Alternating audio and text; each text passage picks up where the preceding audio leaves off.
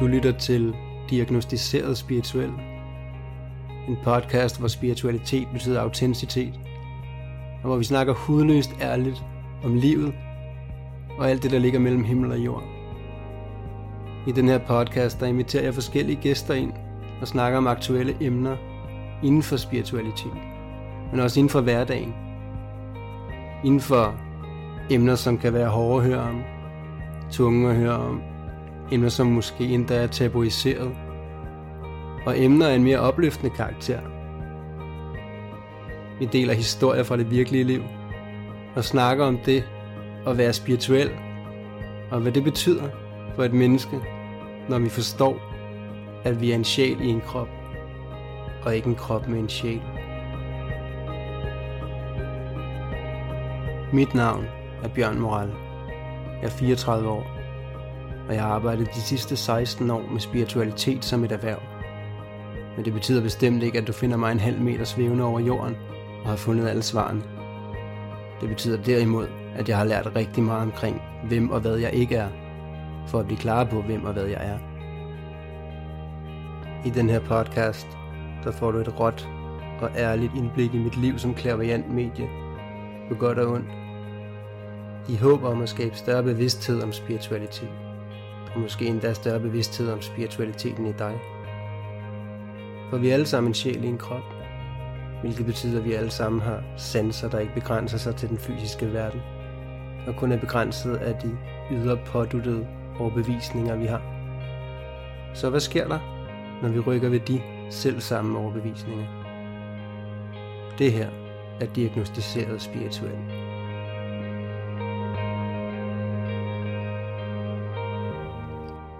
Jeg har besøg af en af mine vanvittigt dygtige kollegaer, Camilla Værnebur. Uh, velkommen til dig, Camilla. Jo, tak Bjørn. Jeg uh, ved jo, at du er vanvittigt dygtig til dit arbejde. Uh, og det ved jeg, fordi jeg har selv uddannet dig for... Hvornår blev du færdiguddannet på Senset? Er det fire år siden, eller? Altså det der med tiden der, det er ikke altid sådan lige... Nej. Det, det må jeg sige, der må jeg melde pas. Fire-fem år siden Ja. du uddannet Ja, det er omkring. Ja. Ja. Øhm, og jeg ved jo netop, at du er vanvittigt dygtig til at arbejde med det sanselige øh, hele vejen rundt. Øh, bare lige for at sætte nogle titler på Ja. inden for Senset, så er det jo healer, og reiki healer, øh, klaverjant, øh, rekreationsterapeut, øh, meditationslærer og meget andet. Og dyretelepatør. Dyretelepatør, også det, det er helt rigtigt. Og, og ved siden af det, sådan lidt sideløbende, uden det egentlig er helt sideløbende, så er du også sygeplejerske, Ja, det er Og- rigtigt. og været det i... Og det kan jeg så godt huske. Det var siden 2003. Okay. Ja. Ja, okay. Det er Øhm. nemt at huske, sjovt nok. Fair nok. Fair nok. øhm, du har lidt kompetencer både her og der, og det er i hvert fald ikke nogen hemmelighed. Og, og du er 43 år. Ja, Yes, det er korrekt. og du kommer ned fra Lolland now. Ja, Ja. fra din hjemby, ja Nakskov. Nakskov, det er nemlig rigtigt, ja. Øhm, og grunden til, at du er her i dag, Camilla, det er, fordi vi skal snakke lidt om, øh, vi skal snakke om engle, vi skal snakke om øh, feer, vi skal snakke om aliens, vi skal snakke om det, som du så fint kalder vores kosmiske øh, Samarbejdspartner. Lige præcis. Yes. Lige præcis. Uh, og det må man sige, at det er et emne med noget kød på. Det er, det er rimelig bredt, må man sige. Ja. Det er det i hvert fald. Um, og særligt den her del med aliens, uh, den er måske lidt kontroversiel selv inden for det spirituelle. Uh, og det er også noget, den første, altså, det er først noget, der er kommet til mig i de senere år, at det begynder at blive en, en meget stor del af, af vores samarbejdspartnere. Og det har du faktisk været en stor del af at, at introducere også, men det, det kommer vi tilbage til, tænker jeg. Det kan jo så sige det samme om dig jo. Ja, fair nok, det, det fair nok. Øhm, men lad os lige sætte en pind i den, og så starte helt sådan mildt, eller lidt, eller hvad man kan sige, med, med engleriget. Øhm, det, er jo, Ja. det er jo sådan, at som meget bekendt, som de fleste, der lytter med her, og nok også er helt med på, at vi er en sjæl i en krop, øh, i den her avatar i menneskelig udgave. Øh, og vi er hernede for at lære en masse om, hvem og hvad vi ikke er, så vi kan lære, hvem og hvad vi er, sådan lige for at pakke det helt ind, eller lige koge det ned. Ja. Øh, og til det, der har vi jo så en masse øh, samarbejdspartnere, som du så fint kalder kosmiske samarbejdspartnere. Øhm, og der kan man jo netop tabe ind i det her englerige, som er noget af det første, man ved, når man sådan begynder at arbejde med det spirituelle. Ja, altså det, det kan man jo sige, det er måske nogle af de bevidstheder, som, som er sådan lidt øh, alment øh, kendte, fordi de også er beskrevet i Bibelen. Ja, så det er præcis. sådan lidt mere okay. Den lidt mere guddommelige tilgang. Ja, lige præcis. Så, så det kan man sådan lidt bedre tillade sig at fortælle noget om at tro på, Ja, end helt- når vi snakker kosmiske enig. Samarbejdspartnere. Jeg møder faktisk også ofte folk, der siger, Nå, arbejder du som spirituel lærer? Men det er jo sådan noget med engle. Det er ofte den første, jeg møder. Og siger, Ja. ja, det, det er det jo også. Også meget andet end det, som vi kommer videre omkring i den her podcast, er jeg Ja. sikker på. Øhm, men ja, engleriget. Øh, noget af det første, man vil blive introduceret for, når man går i gang med en, med en spirituel uddannelse, øh, øh, personlig udvikling inden for det spirituelle, forhåbentlig, det er jo det her med, at vi har tre guider med, med os. Fordi at når vi er på sjælsplan, og vi skal ned og lære det her, og det her, skriver den her kontrakt, vi lige skal have nogle ting igennem i livet, så tænker vi, jamen det, det kan vi sgu snit. Det gør vi lige. Men når så vi kommer mm, hernede, så, ja, så det, ja, og det der liv, det ser da meget godt Ja, ud. Ej, hvor fedt, tager det lige det og det her. Lidt Øh, dødsfald, nå, ja, det tager jeg lige stiv om. Ja, det kan ja, jo ikke ja, gøre ja. så meget. Nej, for jeg ved jo godt på den side, at dødsfald, det er jo bare, det er jo bare at vi tager hjem igen. Ja. Men når vi er hernede, så er virkeligheden en anden, og det er svært at være her. Det, er, det kan virkelig Det være er udfordrende. virkelig svært at være menneske med følelser. Det er det virkelig. Det er det, det, der ja, gør Ja. det svært. Og derfor har vi jo så netop de her tre guider med, skytsengle, er der nogen, der kalder dem, øhm, som følger os igennem livet og, og repræsenterer forskellige temaer, øh, som de skal hjælpe os med. Jeg har for eksempel, jeg har lige fået en ny faktisk, fordi mm. vi kan godt få nye. Vi har ligesom en, der følger os gennem hele livet. Øh, min han hedder Jobbedy. Han er sådan... Fedt navn. Ja, Jobbedy, Jobediah. Ja. Han, han sagde engang, han, jeg, jeg kunne bare kalde ham Jonas. Og sådan, Ja. Det vil jeg ikke. Du, du hedder det, du hedder. Øh, Jobbedy. Og han er sådan en, en vores guider, vores skytsingene kan godt minde lidt om os selv, har jeg fundet ud af igennem tiden. Og Yes. Jobbedy, eller Jobediah, han, han er sådan slut 20'erne, start 30'erne, lidt Han er sådan mørkhåret. lidt casual. Han er nemlig meget casual, ja lige præcis, og han har sådan en læderjakke på, sådan mørkebrun læderjakke-agtig, det er sådan det billede, jeg har af ham, øh, og det kan jeg også selv finde på at rende rundt i, jeg kan godt se meget der. Ja, ja. Øhm, og nogle gange, når jeg er i tvivl om, hvem det er, jeg har kontakt med, fordi det skal vi jo netop også have styr på. Mm. Hvem er det, og hvad er det, vi har kontakt Så med? det ikke ender med, at vi bliver misbrugt. Så vi ikke bliver misbrugt, eller at det ikke er disinformers, misinformers, øh, Ja, som udgiver præcis. sig for at være noget, det ikke er på en lavere vibration. Ja. Og hvis jeg lige pludselig bliver i tvivl om, hvor er det egentlig, jeg har den her, hvem er det, jeg har kontakt til, øhm, så gør jeg det, at jeg tager fat i Jobbedy, fordi jeg har, hans energi kender jeg, den er sådan meget hjemlig. Øh, og man kan alt, der er sådan en universel lov, at uanset om man arbejder i mørket eller i lyset, eller, eller hvad man er i, i en eller anden manifestation af en bevidsthed af universet, så er der en universel lov, der siger, at hvis jeg spørger nogen om at vise, at beder dem om at vise mig deres universelle lys, Ja. så skal de vise det. Ja. Og det er ikke noget, noget de, de gør bevidst, det sker af sig selv, man ser det simpelthen. Og i det lys, der kan man, der kan man simpelthen mærke, at hov, der er noget off her, det er en lavere vibration. Man kan eller godt mærke, om det er kærlighed, øh, Ja, lige præcis. ubetinget kærlighed, der kommer tilbage, eller om der er et eller andet vildt skævt i det, eller, der er ikke, eller man ingenting mærker. Det ja, har jeg jo også ja, prøvet. Ja, ja. ja det er og, og faktisk spot rigtigt. øh, Det er faktisk på rigtigt. den måde. Men der har jeg simpelthen de tre med, hvad der hedder Jobbedy er den ene, ham den lidt casual, som du snakker om, og så har jeg en, der hedder, Ham kan jeg godt lide. ham kan jeg også godt lide, han er min go-to guy. og så har jeg uh, Elisabeth.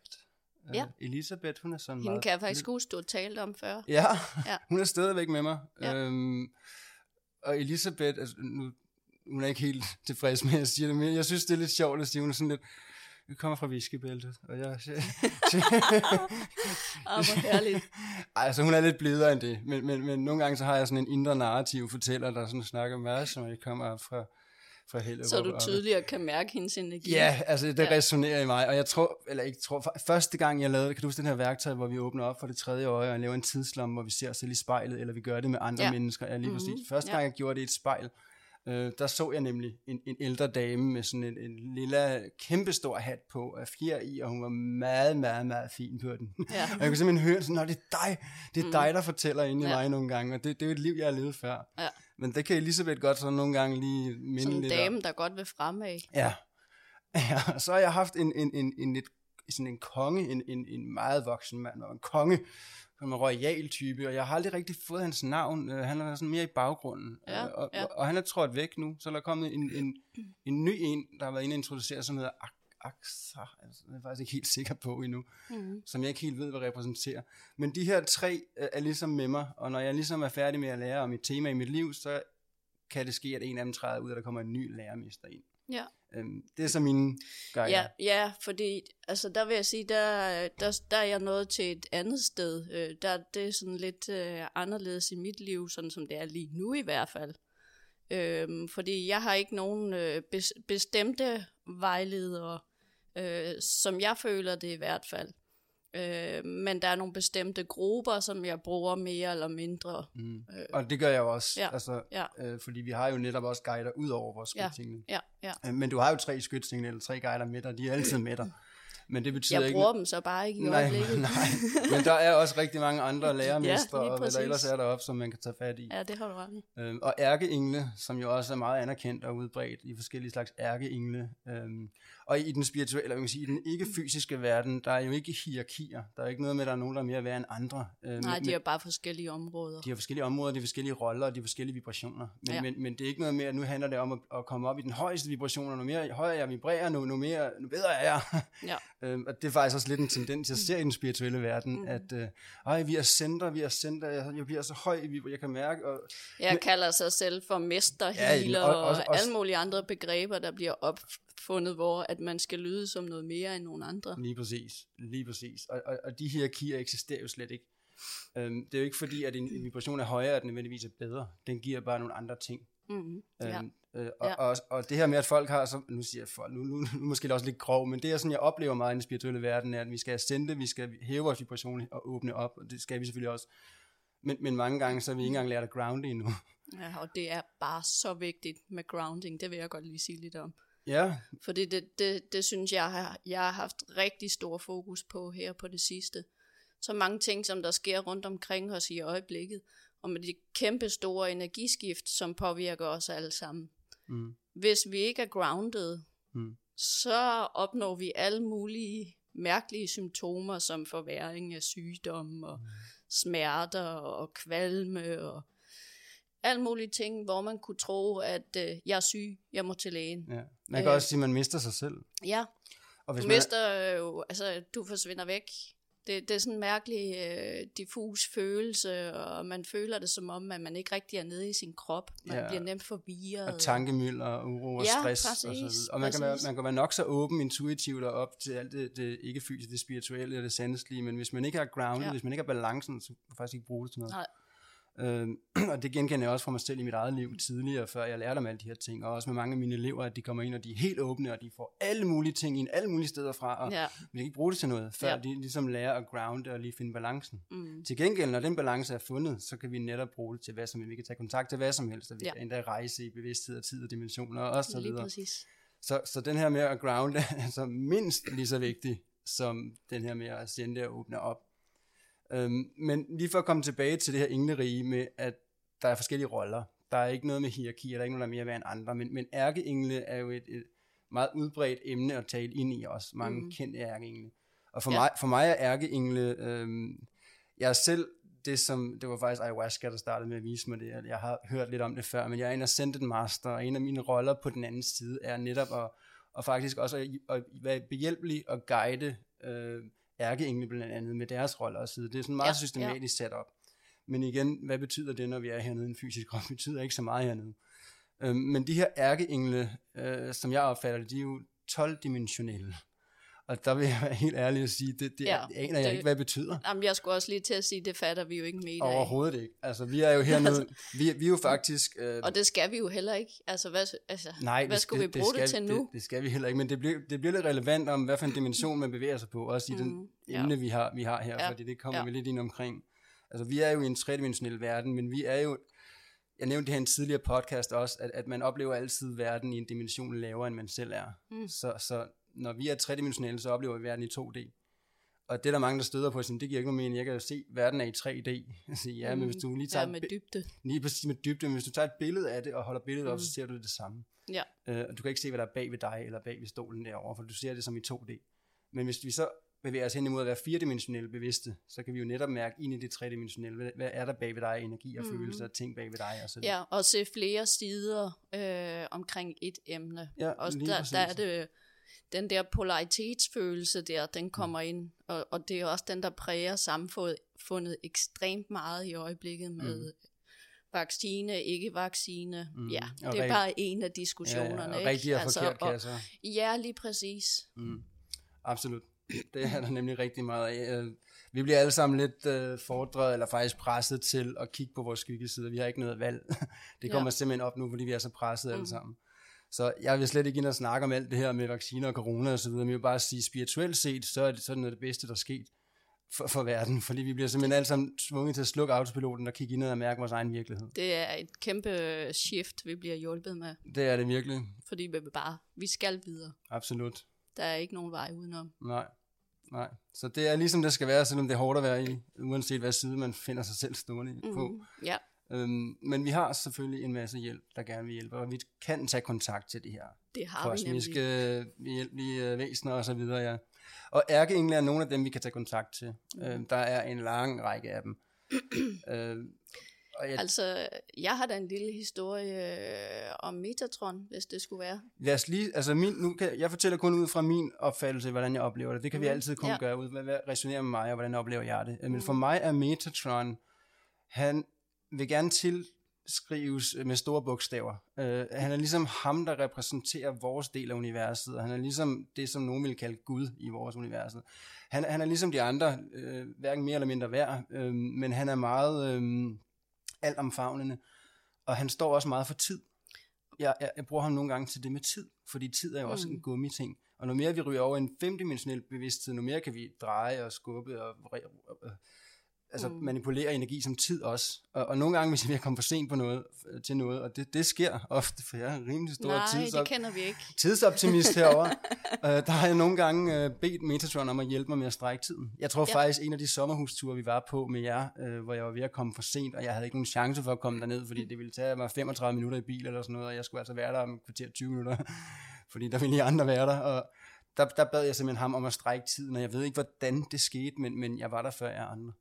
Øh, Min, min, min tredimensionelle virkelighed, forståelse af min hjerne, kan ikke forstå det her, men det skal vi heller ikke. Altså, vi kan ikke forstå mange af de her ting, når vi snakker eller kigger på det fra en tredimensionel virkelighed. Mm. Men Metatron er en af dem, som man kan bede om hjælp til at strække tiden. Jeg tror Ja. også, vi kender alle sammen det der med, at der er gået en time på et øjeblik. Eller at nu er den her time, den vil bare ikke, den stopper bare aldrig. Den mm. der opfattelse af Ja. tiden. Men nu Ja. afbryder jeg dig, for du vil gerne fortælle noget. Nå ja, det, det er nok ikke lige nogle store ting, men øh, jeg har, øh, nu siger jeg brugt. Det lyder egentlig lidt grimt i mine ører, når jeg siger brugt, fordi det lyder sådan lidt eller misbrug. Mm. Men øh, samarbejdet lyder bedre. Ja. Øh, jeg var over og øh, besøge en meget, meget tæt veninde i øh, Kolding. Øh, vi har sådan en, øh, en meget tæt gruppe, hvor vi arbejder sammen spirituelt. Øhm, og da vi kom over hos hende, øhm, der kunne jeg mærke, at øh, hele hendes kvarter, det trængte til at blive renset. Mhm. Altså renset for dårlige energier. Øhm, der var meget god energi inde i hendes lejlighed. Øh, men lige snart man bevægede sig udenfor, så, øh, ja, jeg ved ikke, hvordan jeg skal beskrive det, men det var meget tungt. Mhm. Øhm, og vi blev så enige om, at øh, jo, jeg havde nogle meget, meget slemme mareridt, øh, da jeg var der hos hende. Det var sådan, vi kom ind på, øh, fandt ud af, Mhm. at øh, der skulle renses ud der. Mhm. Øhm, og øh, vi fandt så ud af, at øh, det ville vi gøre dagen efter der. Øhm, og vi gik ned på legepladsen øh, og stod i cirkel Mm-hmm. øh, og var ret ligeglade med, hvad andre folk de øh, synes. Øhm, og så gik vi så i gang med at, at rense ud. Øhm, og øh, den hjælp, som jeg mærkede, jeg skulle have, det var Metatron. Mm. Øhm, og jeg skal lige love for, at, øh, at der var smæk på den øh, energimæssigt. Øhm, og øh, jeg fik så at vide, at øh, der faktisk havde været en øh, offerplads øh, på det sted i det område, øh, hvor hun boede. Mm. Det var sådan nogle højhuse. Øh, hun boede på, eller Mhm. bor på 10. sal. Øhm, ja, og øh, hvad pokker var det, jeg vil sige? Mm. Nå, det kan være, den vender tilbage. Øh, jo, øh, det er sådan lidt apropos det der, som du snakkede om med tid, som han også er god til. Øh, jeg mær- der mærkede jeg netop, at han var god at bruge, øh, fordi at det, det, det, tidsmæssigt var det ikke nu og her, der var noget øh, der var sket der, men det var en energi, der var lagret øh, Ja. fra en anden tidslinje. Mm. Og man kan sige, at altid foregår jo på samme tid. Lige præcis. Uanset om man kigger videnskabeligt på det, Ja. eller spirituelt på det, så Ja. selvfølgelig kan man tabe ind i andre tidslinjer, der kan ligge ting fra, fra tidligere. Og det er også derfor, jeg har sådan lidt svært ved, øh, når vi bruger udtrykket med at, at gå tilbage Mm. til tidligere liv. Ikke? Ja. Altså på i princippet, så, så kører de jo alle sammen på en gang Det nu. gør de nemlig, og, Det de, og de. de næste liv kan jo være i 1700-tallet. Altså, Ja. Det kan jeg sagtens.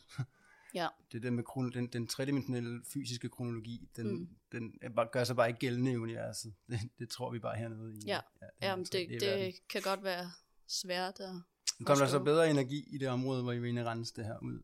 Ja, Øhm, ja. Det gjorde der. og det din mareridt stoppede. Det gjorde de. Mm. Fantastisk. Og vi kan Ja. jo... Og, og det, øh, min veninde, der boede der, hun sagde også, at, der var, at hun tydeligt kunne mærke, at der er blevet en mere venlig stemning, når man for eksempel mødte en i Ja, elevatoren. Ja, hvor dejligt, fordi man bliver jo påvirket af det. ja alle, der bor der. det energi, der er. Ja, ja. Og så altså- kan det gå hen og blive sådan en hel øh, slumkvarter Og, og det er jo det der med ener- det. energierne, der hænger i luften. Altså, jeg har nogle gange været ude hos, hos, hos par, der har skændt helt vildt, og så også med, som parterapeut og så videre, og spirituelt anlæggende, været inde og rydde op i det. Øhm, men hvis ikke jeg får ryddet op i energien, der er der, øh, Mm. når så de går ud og laver, hvad de nu laver i deres hverdag, og har det godt og fundet hinanden, og så kommer tilbage igen og går lige i den energi igen, så begynder blive uvenner igen. Hmm, Fordi energien, ja. den, er simpelthen sikkert, den, den ligger simpelthen i rummet. Ja. Og det skal man nemlig også mærke ind i og, og rense ud, hvis man er Mm. ude og lave sådan nogle ting. Så super godt, at du Ja, men der det. kan, der kan være deciderede portaler også, som tiltrækker mm. negative energier, så der bare kommer dårlige energier fra nære og fjern. Tropper op i hobevis, altså. Og ved du hvad, jeg, jeg, lige det der med portaler, altså det, jeg, jeg har en gruppe, hvor vi er fire mennesker, der går ind og arbejder sammen med, med nogle af de her lidt mere ekstreme tilfælde, hvor tingene bliver meget fysisk, øh, og det er meget portaler, vi kommer ud til, der skal lukkes. Ja, Øh, det, har- det gør vi også i vores gruppe, Ja, det som gør I også også. er på fire. Ja, okay. Ja, okay. Synkronicitet. Ja, måske ikke. Nå, men, Ja. der, men der, øh, de her portaler, der kan virkelig ske nogle ting. Jeg har for eksempel en familie herovre, ikke så langt fra, hvor jeg bor, som jeg også hjælper lidt fra tid til anden. Og der er en portal, der bliver ved med at åbne sig. Jeg har kun været der alene indtil videre, og jeg får den lukket, men den åbner sig igen. Jeg skal have resten af gruppen med ud. Ja. Men, men det betyder simpelthen, at der sker ting hos dem, som at de her børn, der er det, de ser deres forældre gå ud i køkkenet, mens de er i stuen, så de bliver kopieret. Øh, så lige pludselig, når de skal spise mad, så bliver der delt kortspil ud. Øh, der ligger koder på køkkenbordet, når de kommer derud, så er der sådan en piskeris med et kryds og ketchup, der laver et eller andet tal, og sådan, altså sådan koder Ja, hele tiden. Øh, og fra en portal til en, til en anden verden, der slet ikke hører til her.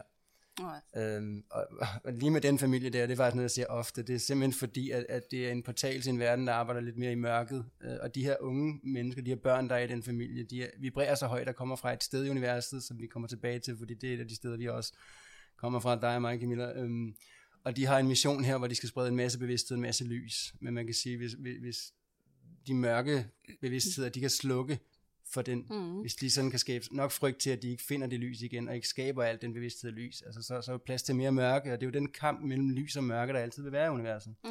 Ja. Men, men der er jo ikke noget galt med mørket, det er ikke fordi, det mørket er forkert, men yin og yang, men, men når mørket kommer i lyset, øh, så er det, at det begynder at ødelægge ting. Mm. Mm. Øh, det skal, ja, skal der gerne skal være balance. side om side, ja lige Ja. præcis, det skal helst ikke blandes sammen. Ja. Øh, men nu- det kommer jeg bare til at tænke på med de her portaler, du fortæller om. Mhm. Ja. Men man kan jo netop bruge de her ærkeengle til at bede om hjælp til at gå ind og til hvad som helst. Der er for eksempel øh, ærkeenglen Michael, som måske er den mest kendte, Mm. som står ja. for, for beskyttelse, øh, blandt andet. Øh, og man kan låne hans svær også til at cut wires mellem mennesker, eller hvad det kan Mhm. være, øh, eller låne hans skjold. Øh, og der er Sandalfonden, som står for den kreative energi, øh, inden for, for eksempel hvis man har brug for, for noget guidance inden for, for musik eller kunst, eller hvad det kan være, så kan man også tage fat i ham, og de repræsenterer forskellige ting, og det kan man selvfølgelig dykke ned i. Ja, og Gabriel synes jeg også, jeg har haft brugt en, idé, Ja. en del. Tror jeg også. Hvis man skal ringe og have en samtale med et fremmed menneske, hvor man på forhånd øh, lige tænker, ah, kan jeg få mit budskab ordentligt igennem der, så beder jeg om hjælp til at, øh, at være på et energimæssigt niveau, sådan Mm. så jeg passer sammen med dem, og de kan forstå mig. Ja, hvor fedt. Ja, hvor fedt. Og- Det, det virker stort set altid, synes jeg. Ja, og når, og når vi er på sjælsplan, øh, så er vi jo også med altid, der foregår på samme tid, men, men så er vi omnipresent. Vi er alle steds værende, så vi kan være flere steder på en, en gang. Så, så hvad kan jeg sige, Gabriel kan godt være på Sensit og undervise elever sammen med mig, ja samtidig med at han render Ja. rundt nede i Nakskov med dig. Lige og, og hjælper. Øh, så, Han kan være hos øh, alle mennesker i hele verden på én gang, hvis det præcis, skulle være. Lige præcis. Og det kan vi jo også selv, altså det er ikke så lang tid siden, for første gang jeg mødte mig selv i den anden verden. Jeg mødte faktisk først Mette Mia, som også underviser på Sensit, og som uddannede mig dengang.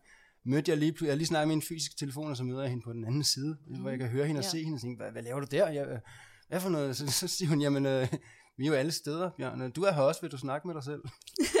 og det gjorde jeg faktisk. Det var altså ret syret. Mm, Øhm, ja, så, ja. så, så det her med omnipresent, alle steds værende, det er jo noget, vi er som sjæler, og det er de også. Så det er ikke fordi, Ja. man skal sidde og tænke, ej, han er nok travlt, jeg vil ikke, øh, jeg vil ikke presse mig på her. Vi kan altid bede om hjælp, og det vil jeg også lige indskyde, at om det er vores egne guider, vi beder om hjælp, eller om det er ærkingen, eller hvem det er, vi har jo noget, der hedder fri vilje.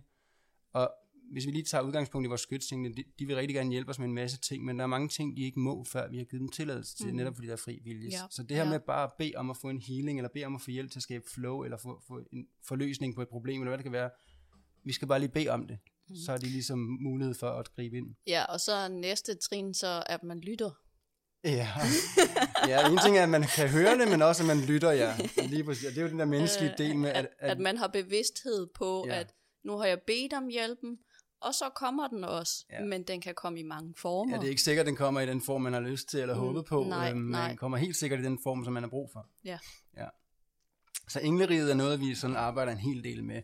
Også når vi øh, laver sjælerejser til åndeverdenen, kan du huske det? Ja tak, Ja, det det er også ofte, så, så er det også man kan sige, engleriget, vi kommer ind i som udgangspunkt. Øhm, men udover engleriget, som, øh, som rigtig mange arbejder med, øhm, og kender til og stødt på og så videre, så er der jo også naturriget, Mm, nature ja. realm. ja. Øh, og da jeg først stødte på det, jeg havde lige accepteret, okay, så er der engle. Øh, og jeg vil bare, jeg, jeg, så kommer næste Ja, der kommer step. næste. Øh, Og jeg vil, jeg vil lige indskyde, altså jeg, jeg er født med sådan en modstand på religion. Jeg har, jeg har det så svært med religion. Jeg har haft det, simpelthen, dengang jeg uddannede mig, der, der ville jeg ikke, jeg ville ikke være i lokalet, hvis der hang et kors. Altså det var simpelthen der, jeg var. Jeg tog korset ned og sådan, nej. Og, og det var fordi, jeg kunne huske en masse liv, hvor jeg både er blevet brændt på bålet og gjort forkert og alt muligt, og hvordan der bliver styret med frygt og religion. Altså det er det meget svært med.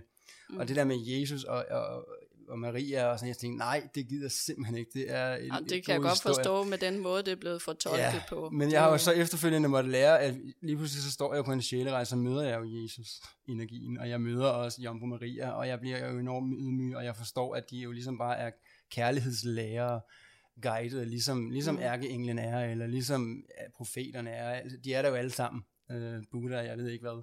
Ja. Og, og det gav mig bare en forståelse af, at, at der er jo ikke noget galt, men selvfølgelig er de det, de er. Det er jo vores tolkning af det hernede, der har, det er jo det, jeg har stødt så meget Ja. på. Ikke? Lige præcis. Øhm, det, er, jo- det er blevet brugt til noget, Det er blevet brugt til noget, ja, det kan man sige. Der ja. kan man sådan set godt bruge ordet misbrugt. Ja, Det- det vil være på men, Men jeg vil sige, efter jeg har mødt dem, øh, så har jeg en helt anden holdning til religion. Jeg synes faktisk, det kan være rigtig, rigtig smukt. Det er jo den del med, at vi netop bruger det på en måde til frygt og kontrol, og jeg Ja. ved ikke, opdeling af min... Altså, Budskabet om ubetinget kærlighed, Lige ligegyldigt præcis. hvad man laver af fejl. lige præcis. Men dem vil man for eksempel møde i det guddommelige inden for engleriget mm. og så Mm. videre. Det vil jeg bare lige have med, inden vi hopper videre til, til nature realm her. Ja, ja. Øh, og naturriget, den, den, støt, den, den, havde Oh, jeg, det- den havde jeg svært ved at sluge. Øh, fordi, og, og, og for at sige det som det er, vi snakker nisser, vi snakker alfa, vi snakker feer, vi snakker enhjørninge, vi snakker altså gnomer, Kraftdyr. kraftdyr, ja lige, ja, lige præcis. Øh, nulevende dyr. Ja, og nu lever absolut. Øhm, den var svær for mig, fordi det er jo sådan nogle historier, man får som børn, og det er jo Ja, fantasi. ja. Altså, jeg, det får man jo Ja, vide, det er fantasi.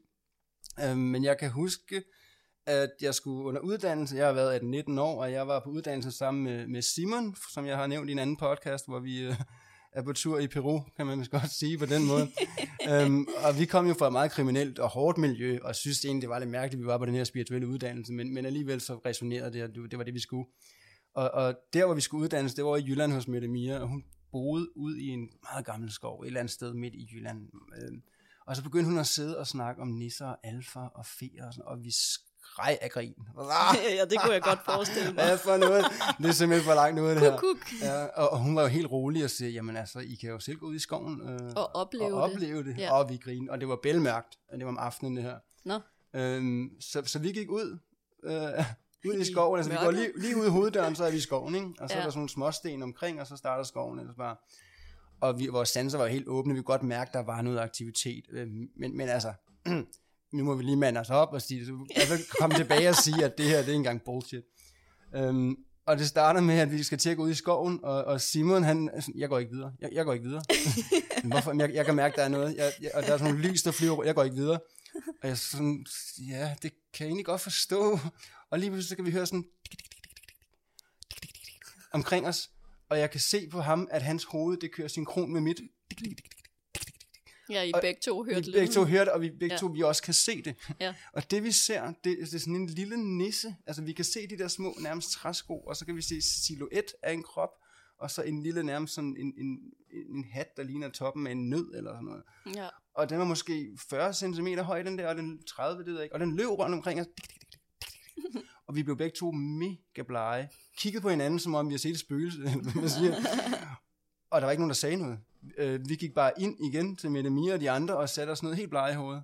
Og Mette Mia, hun kunne godt regne ud, hvad der var, der var sket. Så hun sådan smilede bare og rummede os lidt. Men vi, der var meget stille resten af aftenen. Nej, der blev ikke talt noget om, hvad I havde Jo, oplevet. senere, men vi skulle lige slutte den, ja, ikke? Altså, ja. vi kom jo lige fra det der hårde miljø, hvor hey, hey, hey, og lige pludselig så sidder vi og, og kigger på, på nisser, der render rundt omkring os. Altså, det var jo, det var skørt. Ja, Men, det, men, men, men vi kunne ikke rigtig komme udenom, at vi lige havde begge to stået og oplevet det. Og, og når vi begynder at bevæge os over i naturriget, og også al- Alien Realm, så vi kommer til videre, Mhm. mange af de bevidstheder, de kan jo netop veksle mellem fysisk og ikke fysisk virkelighed.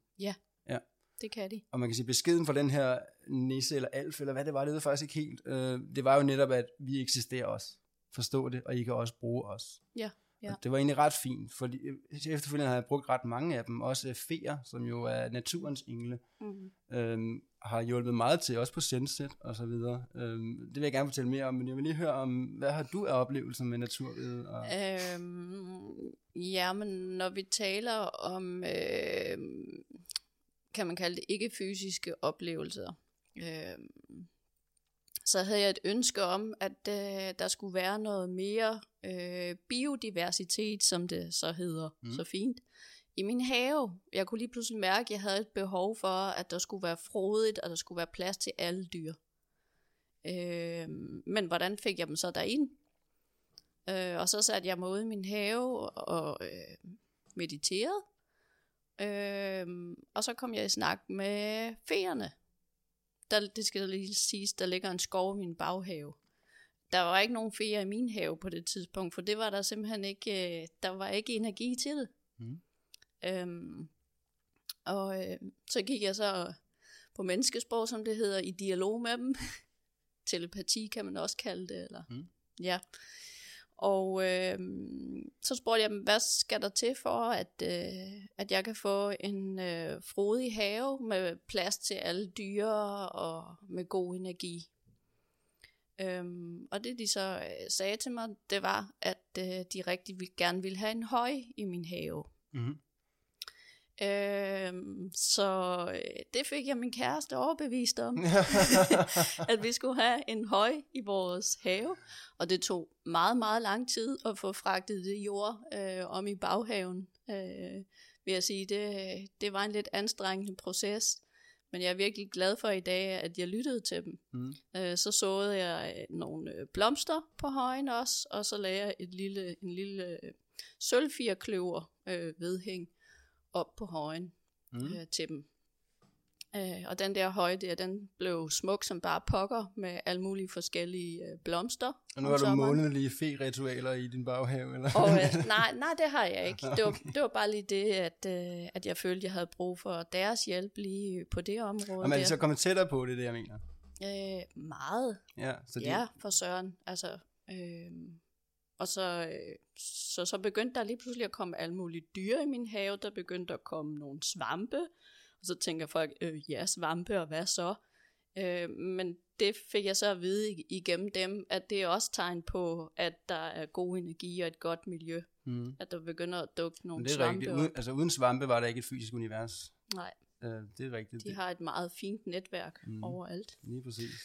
Så, så, så det, det, var, det var sgu rart med deres hjælp lige der. Okay, så der kommer mere ro på. Ja. Mm. Så har jeg et eksempel med de fysiske øh, dyr, hvis man kan sige det sådan. Ja.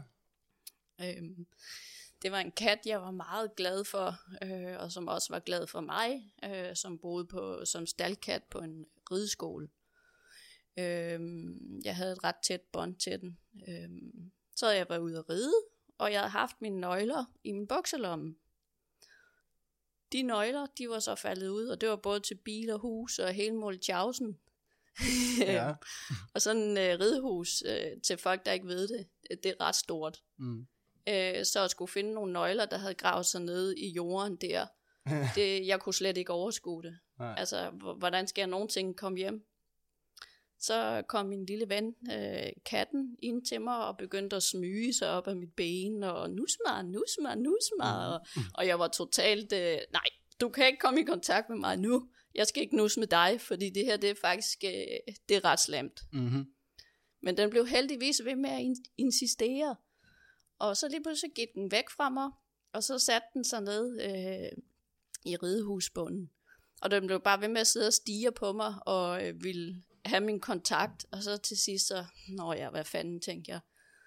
Jeg kan lige så godt gå over og nusse den, for så kan jeg det mindste få lidt god energi, og så kan det være, at det går nemmere med at finde nøglen. Så jeg gik hen og nussede den, og hvad lå mellem forbenene på den kat? Det gjorde mine bilnøgler. Ja, hvor fint. Tusind tak.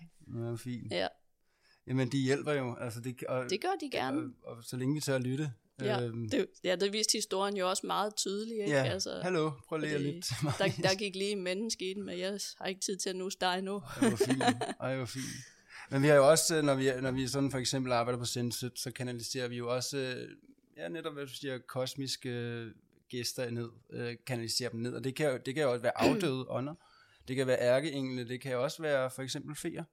Ja, Øh, og det oplevet, altså jeg har, været, jeg har et udgangspunkt fra start det hedder, jeg tror ikke på noget, jeg ikke selv har oplevet.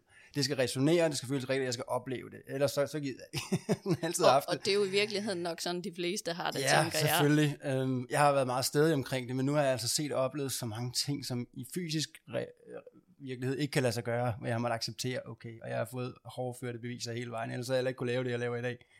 Øhm, så, så, så jeg har haft det lidt svært, når jeg har snakket om, at nu ja, engleriget, eller ikke engleriget i år også til at starte med, naturriget og hele. Men når jeg så har mødt det og fået beviserne og er blevet guidet, så, så er det en anden virkelighed. Og jeg sidder en hel del år tilbage, jeg skal undervise nogle elever i at, at kanalisere øh, ned, hvad der nu kommer. og så, og så, er det, så er det så en af mine elever, hun kanaliserer en fe ned.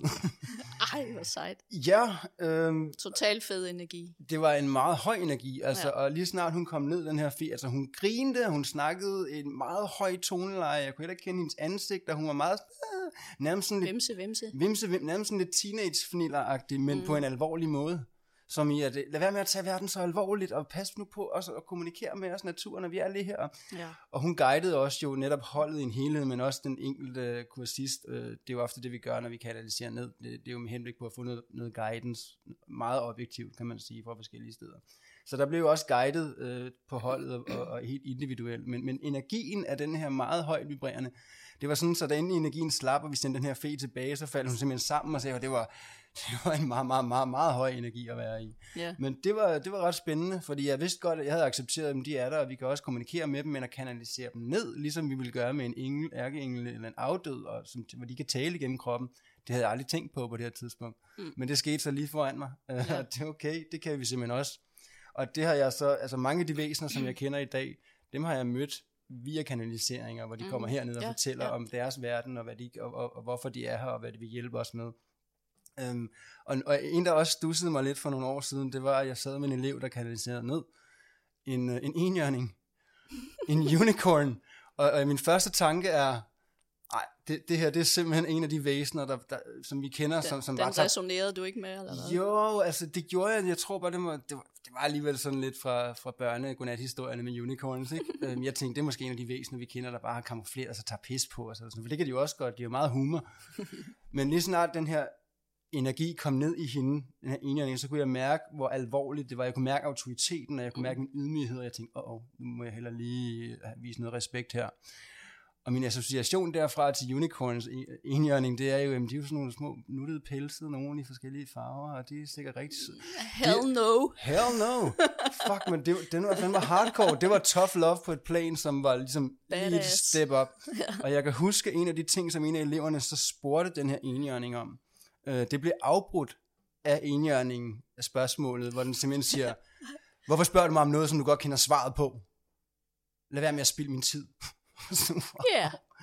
Au! Hvorfor ikke? Og, og det er rigtigt, at, at, at hun var godt selv klar over, hvad det var, svaret var på hendes spørgsmål, Ah, men, men det okay, var, det var som okay. om, de sparkede i hovedet af en hest. Hun vil en- gerne valideres, men det var Præcis. enhjørningen ikke med på. Præcis, øhm, og vi begynder at spørge ind til deres verden, og sige, det kan I slet ikke forstå, den er ikke fysisk øh, på samme måde som jeres. Altså, altså lad være Mm. med at spørge ind til det, for det vil ikke give nogen mening for jer. Den var sådan Ja. meget hård. Og den dag i dag har jeg et helt andet syn på enhjørning, end jeg havde før. Ja.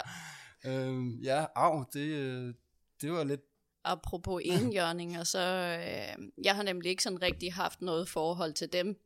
Øh, men min lille pige på tre år øh, er begyndt at bruge dem. Øh, selvfølgelig ikke øh, bevidst, tænker jeg. Men øh, hun er begyndt at have nogle mareridt. Øh, og så, så sagde hun øh, den anden dag, da hun så øh, om morgenen, der, hun, hvad hun havde drømt om.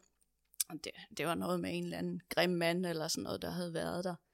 Øh, og så sagde hun, men så kom enhjørningen. Ja, ja, og øh, hun havde, eller ikke det var ikke min datter, der gjorde det, men enhjørningen havde øh, spidet monsteret med, med sit horn. ja. Og der kan man jo se, det er jo heller ikke den der sukkersøde lille sag, Nej, der øh, harmløse energi. Nej, Jeg- det, jeg- jeg har der er knald på den, du. Det er der. Jeg har mødt flere kollegaer, som og har en oplevelse af, at vi alle sammen, og det har jeg også hørt mange snakke om faktisk generelt, at, at vi alle sammen har tilknyttet en enhjørning med os. Også ligesom vi har tre øh, skytsingle. Øhm, og det er egentlig bare accepteret, at det er en mulighed. Øh, det kan sagtens være. Men det er jo også i form af det her, ligesom vores, vores kraftdyr, som du snakkede om. At de kan komme til os. Det var også meget det, indianerne også brugte, Mm. mm. kraftdyrene. Også når jeg, når jeg guider en meditation over eller en sjælerejse, eller hvis jeg har en klient, hvor jeg lige trækker dem igennem også en, en anden form for meditativ tilstand, så dukker der også ofte kraftdyr frem for at komme med nogle beskeder. Øh, komme Ja. med nogle, øh, ja. Og det kan meget varmt øh, anbefales, hvis man lige pludselig begynder at se det samme dyr mange forskellige steder ja. Ja. i sin baghave. I den fysiske form, ja, lige Ja, præcis. så gå ind og undersøge, okay, hvad, hvad, altså, hvis man kan tage guidning på det, kan man selvfølgelig gøre det, men ellers så kan man altså også bare google det. Lige præcis. Ja, det, lige, og det har jeg, Øh. det, nu kommer der, det har jeg faktisk gjort, for jeg, jeg har kørt på løbehjul en aften, øh, alt for hurtigt ned gennem et øh, cykelbane Nå, da, da. Ja, ja. ja. øh, og midt inde i byen, midt inde i København, øh, så, så kommer der en rev foran mig og løber foran mit løbehjul i, Ja, ja, flere hundrede meter. Ja. Altså en rev midt i byen. Ja, hvad fuck laver den Hvad laver den der? Og jeg, og jeg kunne bare mærke, at der var en besked der. Så det var jeg faktisk hjemme og google, og det kan Mm. alle jo gøre det her. Men så, og så står der jo alle mulige forskellige ting. Og så igen her, der er det vigtigt, at man bare, man, man kun tager det ind, der resonerer. Ja, Og det her, det gav så meget mening, fordi jeg stod, den repræsenterede det her med, at nu skulle tingene altså til at skifte. Det var et helt nyt kapitel, jeg skulle til at være i, og der var mange ting, der nu resonerede, og det var, og det, det var fuldstændig det, jeg var i. Altså, det var Mm, en kæmpe ja. omvæltning, jeg skulle til at være, men det var ligesom bare en besked, den var igennem fra den fysiske verden. Ja. Så det, er nemlig, det har jeg oplevet rigtig mange gange, Ja, det der ja, også. øh, ja, Folk fortæller mig, at de oplever det her. Ja. ja. Det er meget rart at have bevidsthed på det, at øh, der også hjælper hen der. Ja, fordi om det er tal, vi hele tiden ser, eller om det er dyr, vi hele tiden ser, eller hvad det kan være, så er det jo en, en, netop en besked fra en anden verden, kan man sige på den måde. Og det kan man gå ind og google, Ja. øh, og Ja. så lige tage ud, hvad der resonerer. Ja. Mm. Øhm, og så kunne jeg rigtig godt tænke mig, fordi tiden løber, fordi det er et spændende emne, og det er dejligt at snakke med dig, Camilla. Øhm, men jeg tænker, Ja, at det vil være... Ja, skønt. Jeg tænker, det vil være godt, at vi også lige bevæger os over i det her med Alien Realm. Uh, alle de her aliens. Kapow. det her lidt sårbare emne. Uh, Det, det er jo faktisk sådan, det, det emne, det startede med at blive udvidet for mig. Det var med et kapav fra Ja. brandovnen, you og, know. ja, ja, og ja, ja, nu tager du den selv op, fordi at, uh, i, min, uh, i min fortælling om min tur til Peru, uh, min lidt voldsomme tur til Peru, det var jeg netop Ja. blev sendt afsted af Andromedans. Der fortæller jeg om, at vi sidder i uh, på Bornholm og skal, under, skal arbejde med kanalisering, hvor en af mine elever sidder og kanaliserer den her Andromedan ned. Og den elev, det var dig.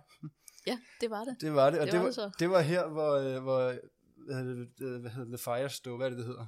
Nu, Øh, brandovn. ja, nogle gange kan jeg ikke finde det danske Ja, det kender jeg godt. Det Øh, men, jeg men det sprang jo i luften, selvom der var næsten gået ud af alle de fløj tilbage, uden, uden til dig, fordi du sad jo i den her trance.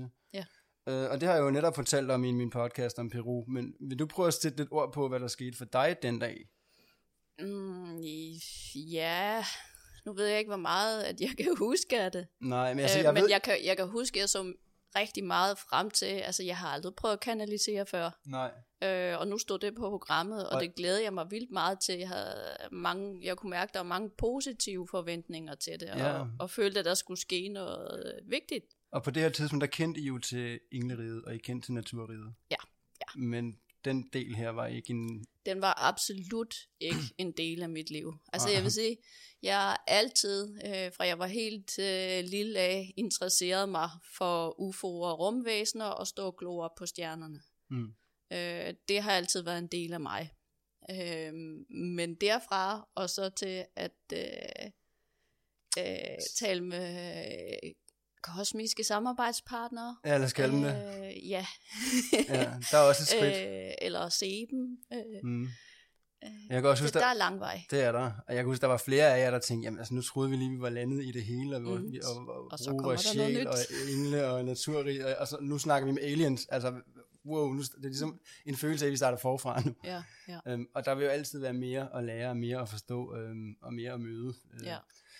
Men lige her, der sker så et skift for både dig og mig, fordi jeg ved, at du arbejder også med, mm, du kalder dem de blå, nu har vi snakket om Andromedans. Ja, og der, øh, der talte jeg faktisk med dem den anden dag, det var det er sådan lidt pinligt, øh, fordi at, de, øh, dem vi, dem vi, ja, the nitty gritty stuff. Mm-hmm. Øh, fordi efter den kanalisering der, øh, det var øh, en af de blå, som, man, som de kaldte sig selv. Andromedans, øh, ja, ja, som vi kom til at, at tale med. Øh, men dem, som vi har samarbejdet nu, øh, mine venner på fire, øh, vi er fire i gruppen der, øh, det er faktisk ikke de samme. Nej. Øh, og det, det gik først op for mig, da jeg ligesom spurgte ind til det. Jeg ved ikke, hvorfor jeg ikke har tænkt over at, at, at gøre det øh, før. Øh, men dem, som vi så har kontakt til, øh, som vi, øh, hvad kan man sige, som vi har samarbejdet omkring selvfølgelig vores personlige øh, issues, øh, men også øh, menneskehedens issues. Mm. Altså, det, de ønsker jo meget, meget klart og tydeligt øh, hjælp fra en større del af befolkningen, for ligesom at kunne rykke mm. alle. Mm. Absolut. Og vi jo faktisk, de integrerer sig jo også netop i den her verden. De lige præcis. Der er mange øh, måder at integrere sig på. Det er der nemlig. Og jeg tror, hvis der lige pludselig stod en eller anden uh, alien, to og en halv meter høj i blå form med, med guld om øjnene, og uh, altså, jeg tror mange ville opleve, at deres hjerne ville fragmentere. Det ville simpelthen for langt fra deres egen virkelighed. Øh, og det forstår de godt, så de integrerer sig jo nemlig på forskellige måder. Og det er jo mm. sådan noget med tegnefilm og animerede film, hvor de er blå aliens, hvor de kan se, at de er venlige og rare osv. Ja, der er så, heldigvis begyndt at komme en del af det nu, der, der præger del, ja. børnene på en positiv præcis, måde. Som I, I skal ikke være bange for os. Lige ja, præcis. Ja. Lige præcis. Men, men, men det her, du og jeg, det er sikkert det, der har præget vores barndom. Ja, med altså, det var de der skrækfilm ja, der, ikke, hvor man blev hævet med og spist, eller hvad det nu var for noget, ikke? Øh, jorden blev overtaget. Ikke? Altså, og det er jo lidt det, der har, det er det billede, der har præget i lang tid. Ja, præcis. Og, og det, er jo, det er jo det, som de begynder at prøve at integrere sig lidt Der sker fra. virkelig meget i øjeblikket. Og jeg ved, at der, jeg ved, der er jamen, højst sandsynligt uendelige slags raser derude. Jeg kender selv til en hel del. For eksempel kender jeg til, også til en race, der hedder Mantis Beings. Ja. Øhm, og mantis, øh, en græshoppe, ligner også nogle græshopper, ja, ikke? Ja. De, når de tager kontakt, de ved godt selv, at de ser skræmmende ud for os. Øh, så når de gør det, så kan det være med sådan en klovnenæse, eller en klovnehat, eller et eller andet, hvor de ser fjollet ud, fordi sådan, hey, ja. du skal ikke være bange for, og så kan man ikke lade være med at grine, og tænke, okay, der det... står sådan en kæmpe græshoppe med en, en klovnehat på, og, og fortæller mig, at jeg skal lære at være i, i balance, i ro og, og tålmodighed. Det det er lidt skørt det her, men der er i hvert fald ikke noget, der er bange for, så de kan godt fremstå som en måde, altså de kan godt forstå, at vi har den her frygt. Det er mega sjovt, du siger det, for det er sådan en oplevelse, har jeg også været ude for. Altså jeg skulle til Bornholm, øh, vi skulle over og samles i øh, gruppen der, øh, og, øh, og det vidste øh, vores øh, kosmiske samarbejdspartner jo godt, øh, at der skulle ske noget derovre, og det var de sådan set lidt interesseret i. Mm. Så jeg havde en fyr med på togrejs, der sad øh, på sædet over for mig. Øh, altså ikke fysisk, vel? Mm. Øh, og det skal man jeg, lige nævne, ja. ja, det må jeg heller lige sige, for det, ja, det ville nok have skabt lidt panik. Mm. øh, men jeg kunne se ham med det tredje øje, ja. øh, som man kan sige det. Øh, og så da jeg kiggede på ham, så sad han med sådan et lille stuepige forklæde på, og så med det ene ben over kors, sådan, øh, sådan lidt... Øh, Lige ja. præcis. Der er ikke noget, der er bange for her. Ja, altså, de har meget selv, mange af dem, jeg har snakket med, de har meget selvironi. Mm-hmm. Altså, det, det, det bruger de meget. Det synes Ja. ja. jeg egentlig er ret. Det, det, det er egentlig fedt, at de ved, at de kan nå os med det, super ikke? fedt. Altså, altså, jeg er men helt enig. at de Øhm, godt ved, hvad det vil sige at være menneske. Mm, absolut. Og, og, og nu, mange af dem, vi arbejder sammen med, de arbejder jo også sammen i deres gruppe. Alle de her, jeg vil, jeg vil skyde Ja. ja. de femdimensionelle væsener. Og, og, og, hvad det betyder, ved jeg ikke helt, og lidt gør jeg alligevel. De kan i hvert fald bøje tid og sted. De kan have en hel verden inde i et rum, hvis det skulle være det. Mm. Øhm, og de kan, ja, med tiden øh, kan de simpelthen strække den og bøje den og parallelt. Og, og jeg ved, at de arbejder, øh, når vi snakker Galactic øh, Federation, Mm. altså sammenslutningen af alle mulige forskellige racer ude for rummet. Jeg vil bare lige indskyde, det er det, som vi også ville kalde rådet, som jeg også har fortalt om i en podcast, Ja. hvor jeg var oppe i rådet. Det var det, jeg fik at vide, at jeg ville få kraft, jeg ville overleve første gang, der for mange år siden. Ja, det er det, Okay. det som du kalder Galactic Federation. Ja. Det vil jeg også kalde ja. det, men, men ja, nogen vil kalde det rådet. Ja. Ja, ja. De arbejder rigtig meget med manipulation med tidslinjer. ja. Øh, det gør bad guys, hvis man kan kalde dem det, så også. ja. For det skal vi også huske at have med, Ja. at øh, man skal heller ikke male billedet af, at øh, rumvæsener kun er, er søde øh, samarbejdspartnere. Absolut Der er selvfølgelig også den modsatte, ligesom Og- hos os mennesker. Der synes jeg, det er vigtigt lige at indskyde, at det er ikke sådan, at der er en race, som er skidt slem, og en, der Nej. er god. Altså, det er ligesom med mennesker, så er Ja. der nogen, der arbejder i lys og kærlighed, og nogen, der ikke gør. Præcis. Og det vil du også møde i alle racer der. Ja. Men der er nogle racer, hvor lyset er ligesom mere fremmanet, end det er, end mørket er. Ja. For eksempel Andromedans og Pleiadians, som også arbejder sammen med, altså, der, de er meget... Arcturians. Arcturians, ja. Øh, også lidt mantis being, selvom de går lidt over, fordi der er jo den her øh, reptil, øh, reptilvæsener, mm-hmm. øh, ligesom vi har en reptilhjerne, en del af, ja. Ja. Hvor, hvor du ikke helt forstår det her med kærlighed. Øh, det, er ikke, det er ikke ligesom det, der er deres drive. De har nogle andre forståelser. Mm. Øhm, dem, der arbejder i mørket, jeg plejer at give sådan et billede på, jamen, hvis man arbejder i mørket, hvis man er fra mørket, der er ikke noget galt i at være det, men, men de kender ikke til kærlighed, de kan ikke forstå det, det er ikke det, de kommer fra, det er ikke det, de kender til. Øhm, så, så deres kærlighed, det kunne være ligesom, hvis man bliver virkelig, virkelig vred, og man er så vred, så man ikke kan rumme det, bare råber, man bare kommer ud med det, ah, det så, så det faktisk føles rart at være vred, være vred. Mm. og bare komme ud med det, og det, det er faktisk den gode følelse, de kan få af at være i det. Og det er også derfor, at de nogle gange, man kan sige, hvis de kommer herned, og, og, og de sådan lidt feeder på os, hvis de kommer til at klæbe lidt på vores energi, øh, hvis de kan gå ind og booste vores energi af frygt, eller vrede, eller, eller hvad det kan være, og lave den energi endnu større, så fungerer det lidt som batteri for dem, så de ligesom kan sidde og suge lidt Mm. på det. Og det er, der, Ja. det, er jo- det er jo der, hvor, hvor mørket ikke rigtig hører til her kan man sige. Og det er nemlig rigtigt, at inden for alle mulige andre væsener og raser, der er jo både lys og mørke, og det er ikke sådan, der er en hel Ja, race, der jamen, er det er lys. vigtigt at ja, huske lige på. Præcis. Øhm, det er det nemlig. Og jeg kan fortælle, at jeg, jeg ved ikke, hvor mange raser i efterhånden, jeg har stødt på. Men jeg har engang været så privilegeret og så heldig, at jeg har lavet et foredrag sammen med en øh, verdenskendt whistleblower, der hedder Dr. Rowney Kilde. Det har jeg aldrig hørt om før. Du Nej. har gjort det, Bjørn. Okay, jamen det er helt tilbage i 13 eller sådan et eller andet. Ja. Øhm, og det er ret spændende, fordi at hun er, hun er anerkendt, og hun er, hun er verdenskendt øh, som en whistleblower. Og hun har ligesom noget at have det i. Altså folk lytter, når hun snakker. Det gør de, fordi at hun, hun var, bliver jeg nødt til at sige, fordi hun er ikke mere. Hun var øh, vanvittig øh, højt uddannet. Og yderligere så havde hun været gift med en amerikansk øh, ambassadør, og havde været i 30 år, og havde været med ham nede i underjordiske amerikanske ambassader, og havde set ting, som hun ikke kunne holde for omverdenen længere. Mm. Øhm, og, og ligesom mange af jer, der lytter med her, det kan I genkende, at I vil kunne mærke ind i, når folk de lyver for jer. I kan mærke, hvis der er en, en off-energi, så- fordi det, det kan I mærke, når I vibrerer så højt, som I gør, når I lytter med her, for ellers vil I højst sandsynligt ikke lytte med til den her podcast.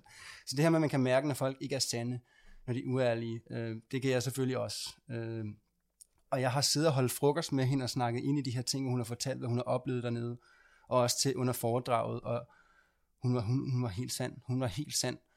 Og hun, noget af det, hun fortalte om, det vil jeg også gerne lige nævne, men, men hun, hun kendte til og havde mødt 72 forskellige øh, raser, Mm. øh, andre raser end menneskerasen, ikke? Ja. Og nogle af dem på et fysisk plan, og nogle af dem på ikke fysisk plan.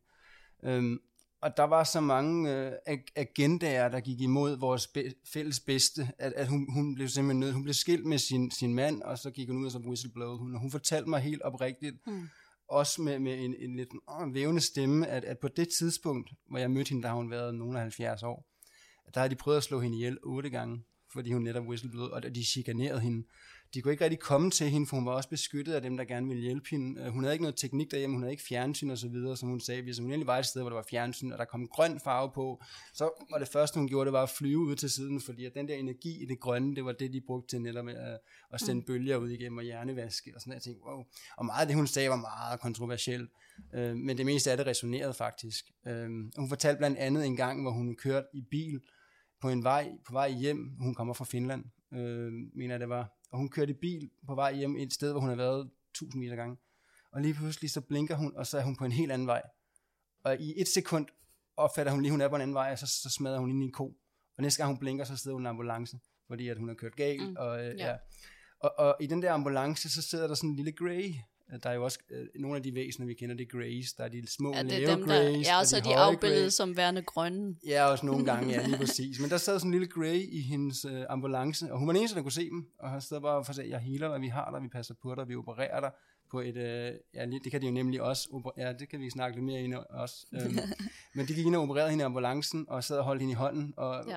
og hun kunne jo godt se, at ambulancen, men de sad og sagde, at altså, hun er, hun er, hun er helt i, Hun er hallucineret. Hun, hun, hun er hallucinerende, ja, lige hun ja. er væk, men det var hun slet ikke. Øh, men hun, hun, hun blev bare sat i en tryghed og sagde, vi har dig, og så videre. Men rigtig mange gange har de prøvet at slå hende ihjel, fordi hun netop whistleblowede de her ting. Mm. Og noget af det, hun var ude at fortælle, og nu kommer vi så over i det, som er decideret, vi kalder konspirationsteori. Øhm, bortset fra, at, at det her det er sådan noget, hun selv har oplevet. Ikke? Og hun siger, jamen altså det mest geniale, man har gjort fra hvad kan man sige, elitens side omkring konspirationsteori, det er at opfinde begrebet, der hedder konspirationsteori. Mm. Fordi da internettet kom, der kunne man, der kunne man finde ud af... Ja, i det ligger der jo i ordet, det er noget, der ikke er rigtigt. Ja, men lige præcis. Altså, så da internettet kom... Det er kom, bare konspirationer. Og, og man fandt ud af en eller anden virkelighed, eller et eller andet, der ikke skulle, skulle frem i lyset i Indien for eksempel, så kunne man få minutter efter have vide det i resten af verden på grund af internettet. Ja. Og det kan man jo ikke stoppe. Man kan ikke stoppe det. Men det man kan gøre, det er, at man kan lave en lignende video, eller 10 eller 20 lignende videoer, som er lidt eller det samme som den første oprindelige video, men som bliver mere og mere og mere langt ude. Og så drukner det jo netop i det her konspirationsteori til et punkt, hvor, hvor folk de klasker sig på loven af grin og siger, ah, konspirationsteori, ja. sølvpapirshat, ja. forkert kassen med dig, og, og så videre. Og det er jo ret genialt. Men hun fortalte, at, øh, at hun netop, fordi hun whistleblowede, arbejdede sammen med rigtig mange af de her væsener og øh, forskellige arter. Hun kendte 72 af dem. Og noget, hun gerne ville være, gøre sig opmærksom på, det var, at øh, faktisk det her med vacciner, nu er det, nu er det hendes ord, jeg videregiver det. Øhm, ja, ja. Øhm, hun var heller ikke imod vacciner, hun ville bare gerne gøre sig opmærksom på, at nogle vacciner blev brugt til forskellige ting. For eksempel sagde hun, at dem, der havde fået svineinfluenzaen, de var blevet chippet, for der lå en chip i den øh, vaccine, og den havde hun selv været nede og se, hvordan den blev produceret, øh, som, som gjorde, at vi var mere impulsstyret til at, at være autoritetslydhører og købe ting i reklamer, altså mere autopilot.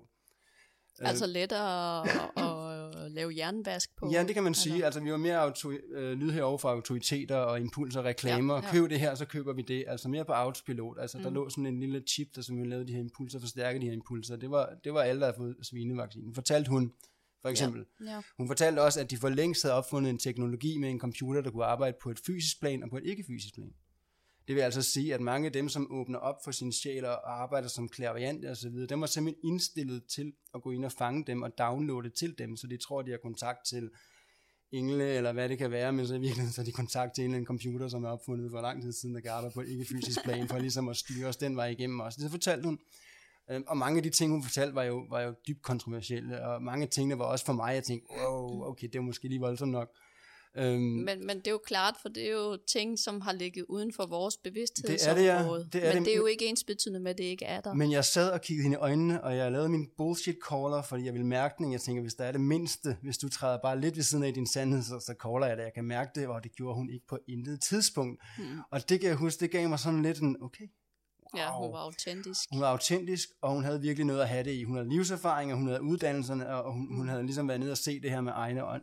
Hun fortalte også, at det chikanerede, nu når de ikke kunne slå hende ihjel, for det har de prøvet mange gange, øh, men nu når de ikke kunne det, så kunne de chikanere hende. Øh, og en ting for eksempel, det var, at hun fortalte, at hun sad og viste en bunke billeder til en af hendes venner derhjemme, og lige pludselig så blev den puffet ned af bordet, og inden den ramte, den her bunke billeder, inden den ramte jorden, så var den væk. Den var sådan blevet opløst, fordi de har den her, øh, de, de har maskiner, eller kan man sige, øh, de, hvad hedder det, øh, de har elektronik, elektronik, som er udviklet til at øh, øh, kunne gå ind og opløse molekyler. Mm. Så de er simpelthen bare beamet den der op, ind den er ramt jorden. Simpelthen Ja. for, og så, så mistede hun alle hendes sine familiebilleder, for eksempel. Og sådan har de chikaneret hende i mange, mange år. Og hun sagde også, at nu er jeg ved at blive så gammel, og min energi, den bliver derfor også sådan lidt mere, hvad kan man sige, lavere, eller mi- mindre powerful, fordi jeg bliver trættere. Øhm, så de skal nok få mig. Og jeg vil sige det sådan, at hun lever heller ikke mere i dag. Øh, så kan man gå ind og undersøge lidt på, hvorfor hun ikke gør det. Men, men otte eller ni gange havde de prøvet at slå hende ihjel, fortalte hun mig nu, da jeg mødte hende. Men det skal heller ikke handle om Dr. Rowney Killed. Jeg vil bare fortælle, at, at Ja, det var sådan det, hun kom ind med i min i ja og min der, verden. der, begy- Øhm, der begynder jo lige i øjeblikket at komme flere og flere ting frem omkring det, og Det når vi der også. kigger på USA, ikke, Mhm. der har Pentagon jo også været nødt til, er blevet presset til mm, at frigive en lille bitte, bitte, Ja. bitte smule. mm. Så det, det, det, det får også skubbet til, til øh, Jamen, det gør det virkelig. menneskers bevidsthed. Mm, Øh, det gør det virkelig. Man er måske ikke tosset, fordi man har set, der flyver noget op på himlen, som ikke er Nej. et menneskefly. Ah, nej. Ah, nej, altså som jeg fortæller i Men, min... men, men det var jo den, må, det var jo den måde, man lavede spin på Mhm. øh, før, ikke? Øh, og, mm. og Mhm. klare alle de ting øh, øh, inden for medierne, som dukkede mm. op, ikke? Jamen, folk var jo bare tosset, og så blev mm. der... Øh, øh, folks øh, credibility øh, blev Ja, sat på prøve, præcis. ikke? Øh, Nå, nu skal I bare hø- høre, dengang, der gjorde hun sådan og sådan og sådan. Hun mm. har været med i en pornofilm og sådan noget, så hun er nok ikke Ja, til at stole på, vel? Altså, ja. hun er jo bare kukuk, ikke? Altså Dr. Rowney Killed, hun kaldte faktisk vores planet, fordi at hun havde også været astral på alle mulige andre planeter, øh, hvilket jeg også har efterfølgende. Øh, men hun kalder vores planet for Prison Planet. Og hun siger, den energi af Prison, altså den her fængslighed, den, den starter inden for Va- Van Allen Belt, som er sådan noget, der går rundt om jorden. Og den der energi, der ligger derinde for, det, det betyder simpelthen, at vi, at vi kan ikke huske vores tidligere liv. Vi kan ikke huske, hvor vi kommer mm. fra. Vi starter, vi bliver simpelthen rebootet hver eneste gang. Og når jeg snakker med for eksempel Andromedans, som i øvrigt bliver 2500 til 3000 år gamle, og har en IQ på 450 til 600, øhm, de kan endda huske deres tidligere liv. Det er, Ja. ikke, det er, ikke, det er ikke så, så normalt, at man ikke kan huske sin tidligere liv. Øhm, men, men det er normalt for os hernede. Ja. Øhm, Ja. fordi Ja. vi netop er i den her energi. Nu er det hendes ord, jeg fortæller om igen. Mm. Altså inden for The Van Allen Belt, hvor vi er en prison planet. Den er så, så igen i hendes ord styret af en elite, der gerne vil holde os i den her autopilot, så de kan kontrollere, hvordan ja. og det, Og, og der er det, hvis man, øh, hvis, hvis man ikke går i gang med udviklingen med at øh, vende øjnene indad. ja, Øh, ja, lige præcis. Som du snakker om med hukommelsen, ikke? Altså, det, den kommer ikke af sig selv. Nej, det gør den nemlig ikke. Øhm, og efter, efter jeg begynder at rejse i tid med regressionsterapi og så videre, og man kan jo både tage sit tredje øje og kaste igennem tidslinjen, men man kan også besøge det med sin sjæl, hvor man Ja. sådan, sådan flyver ved siden af og op, ser og oplever det igen. Men efter jeg har gjort det, så jeg begynder, og jeg kan huske flere og flere af mine tidligere liv.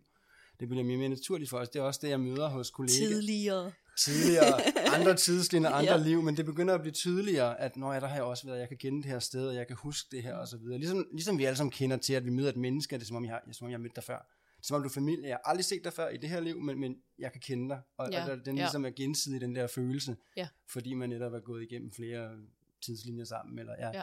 lige præcis. Apropos tidslinjer, fordi der har jeg været inde og kigge på et liv, og jeg, jeg tænkte på det som et fremtidigt liv, men, men det er det jo så ikke. Altså, det er jo også et liv, der kører nu.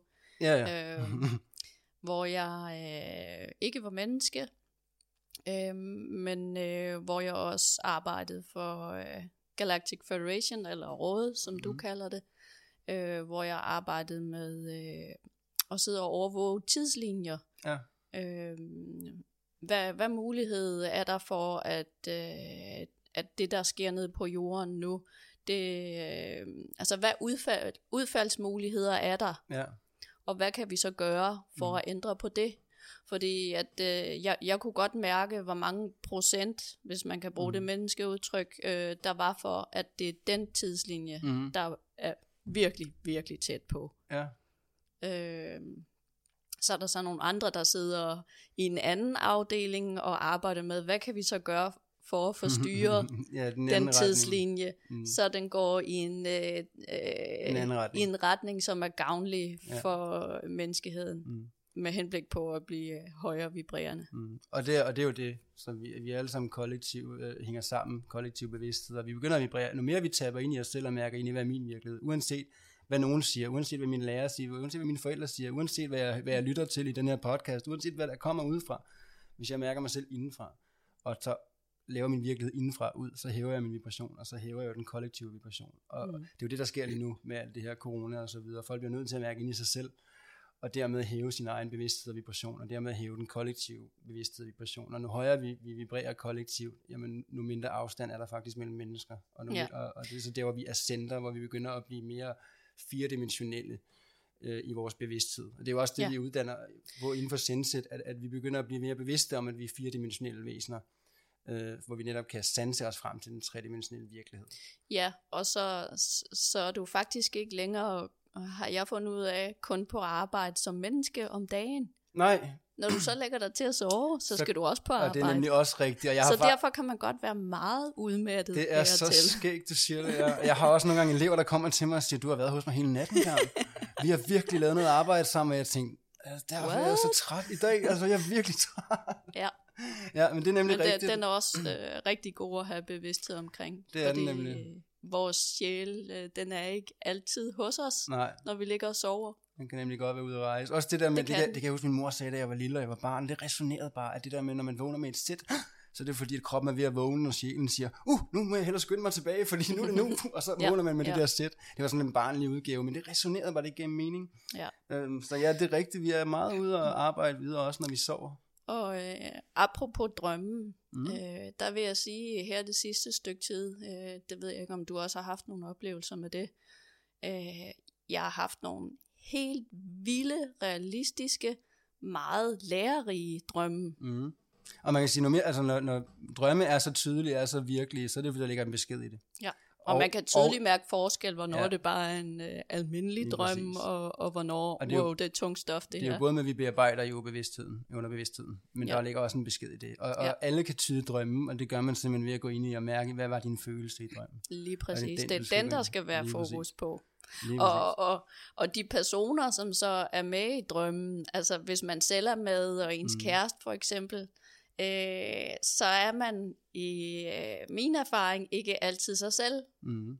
Så ja, kan man lige så vel være kæresten, ikke? Ja, men, men det er for, at det skal være nemmere for en, og, Og mere kan- tydeligt og for man- en at se. Man kan faktisk gå ind og se den samme drøm fra alles perspektiver. Ja, Så man kan se, se den, hvis nu man kører rundt i en bil, som fylder meget i en drøm, så kan man se den her drøm fra bilens synspunkt også. Og man kan se det fra den anden menneskes synspunkt, der også er med i drømmen og så videre. Og så kan man ja. Ligesom lægge dem sammen, for der ligger en tydelig besked der. Lige så Ja. vil den poppe op.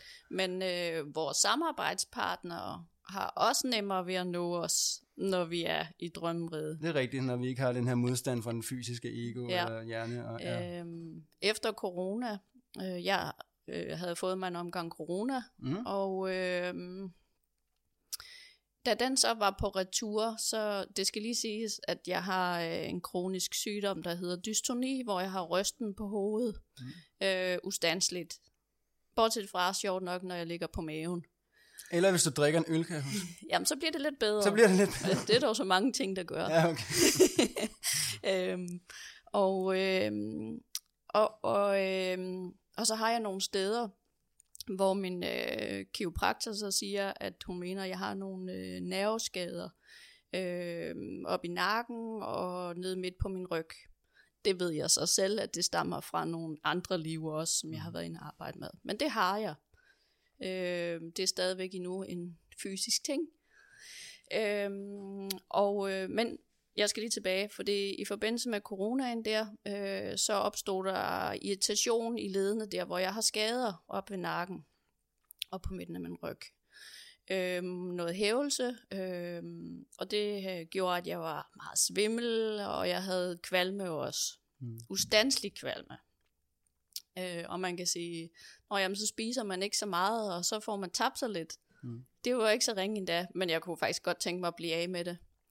Øh, og så kunne jeg lige pludselig mærke, øh, at de pingede mig øh, fra vores, øh, hvad kan man sige, vores øh, kosmiske samarbejdspa- arbejdspartner, det er et langt ord. Mm-hmm. Øhm, og nå ja, så måtte jeg jo heller lige lytte, hvad de havde at sige. Og de ville rent faktisk gerne hjælpe mig med det. Mm. Øh, okay, så mærkede jeg lidt ind i det, mm, og så kunne jeg mærke, at de var sådan lidt, ah, der var et eller andet, de holdt tilbage. Jeg, jeg sagde ikke bare, ja tak, Mm. gør det. Mm. Så måtte jeg jo lige finde ud af, hvad går det så ud på? Øh, det var så telepatisk kontakt, jeg har Mm. med dem. Øhm, og, og så fik jeg følelsen af, at de ville hjælpe mig på den måde, at det skulle ske via et uheld, altså noget fysisk manipulation, mm. ikke? Øh, og så sagde jeg bare, nej tak, der ja. står jeg af. Det vil jeg altså ikke. Mm.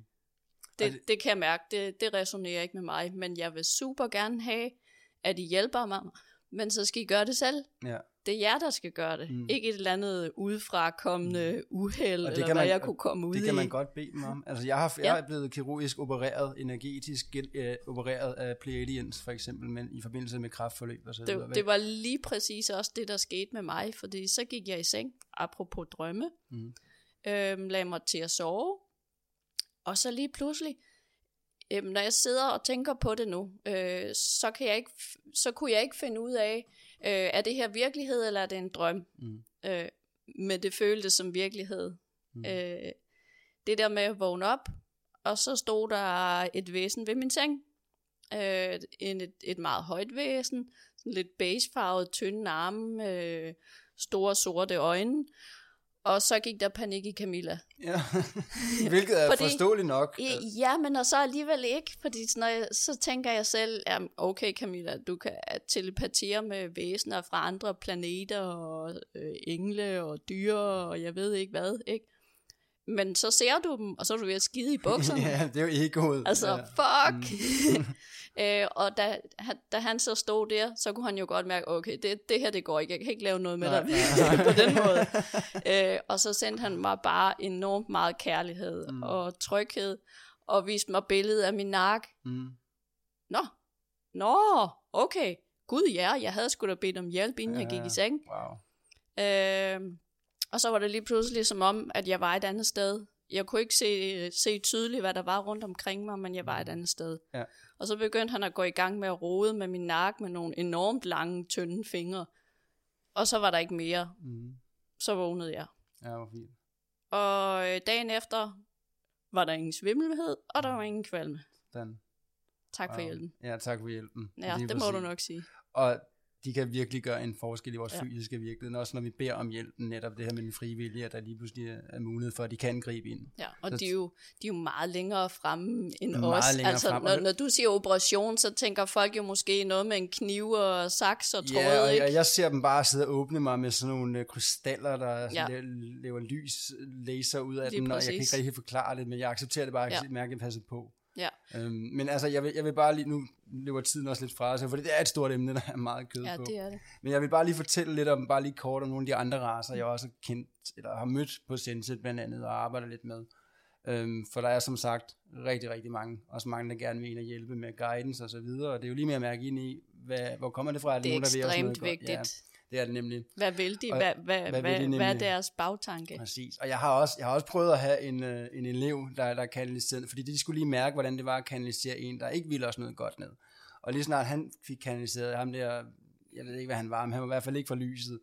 Han begyndte at råbe og skrige, fuck ja, yeah, hvor er dit ulækre menneske. Altså sådan nogle ting, han begyndte at sidde og sige, så vi trak ham lige tilbage igen, og så, sådan skal det ikke føles. Det skal I ikke kanalisere ned.